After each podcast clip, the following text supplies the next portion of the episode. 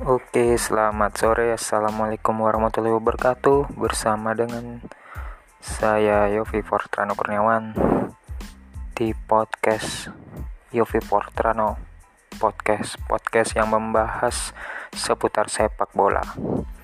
Oke, saya akan berikan analisa saya tentang 11 pemain terbaik di Piala Eropa 2020 kemarin. Untuk di posisi penjaga gawang ada Donnarumma, kiper yang berhasil tampil gemilang sepanjang Piala Eropa. Kemarin hanya dengan kebobolan hanya 3 gol. Selain itu juga Donnarumma menjadi pahlawan kemenangan Italia dalam drama adu penalti melawan Inggris di final, di mana Berkat kemenangan Italia atas Inggris, Italia berhasil menjadi juara Piala Eropa untuk pertama kalinya setelah terakhir kali pada tahun 1968. Untuk di posisi bek tengah, ada duet Harry Maguire dan Bonucci. Sama-sama bek tangguh yang menjadi andalan di timnasnya masing-masing.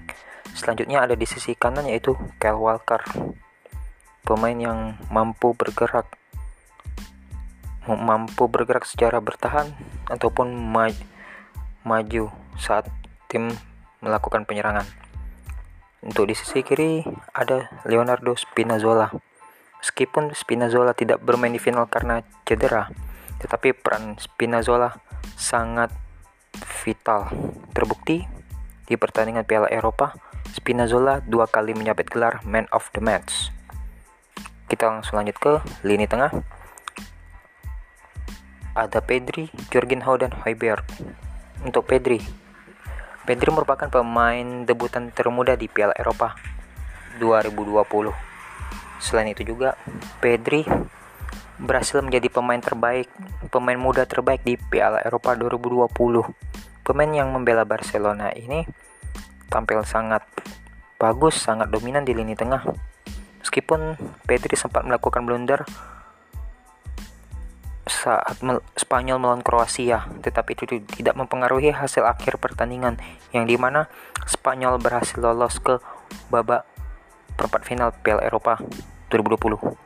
Ada lagi Jorginho, Jorginho, pemain yang berhasil membawa Chelsea juara Liga Champions ini berhasil menjadi leader di lini tengah. Lihat saja Jorginho meskipun peran dia tidak terlalu ter Meskipun dia tak sering mencetak gol, tetapi dia di lini tengah sangat vital. Selanjutnya ada Højbjerg, pemain tengah milik Tottenham Hotspur ini menjadi kunci di lini tengah timnas Denmark yang tampil mengejutkan. Meskipun Denmark sempat dua kali kalah di babak penyisian, namun di pertandingan terakhir Denmark mampu menang 4-1 atas Rusia. Dan kemenangan itulah memastikan Denmark lolos ke babak 16 besar Piala Eropa 2020. Untuk di lini depan ada Rahim Sterling, Lukaku dan Chiesa. Untuk nama terakhir ini bu bukan kaleng-kaleng bro. Chiesa ini pemain yang sukses membawa Italia juara Piala Eropa 2020.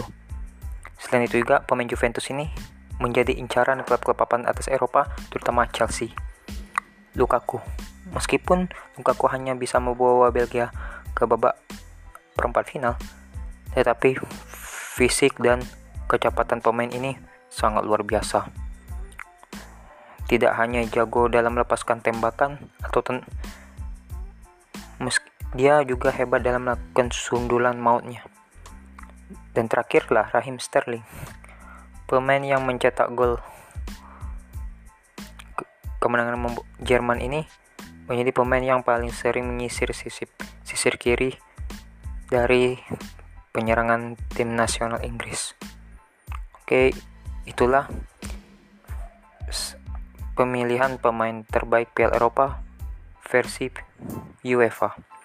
Ada beberapa yang saya kutip dari akun Instagram Golcom Indonesia.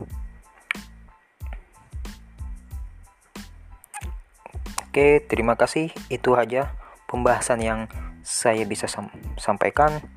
Semoga ini menjadi manfaat dan kalian semoga puas mendengarkan podcast dari saya ini. Sampai ketemu lagi di episode podcast selanjutnya. Terima kasih.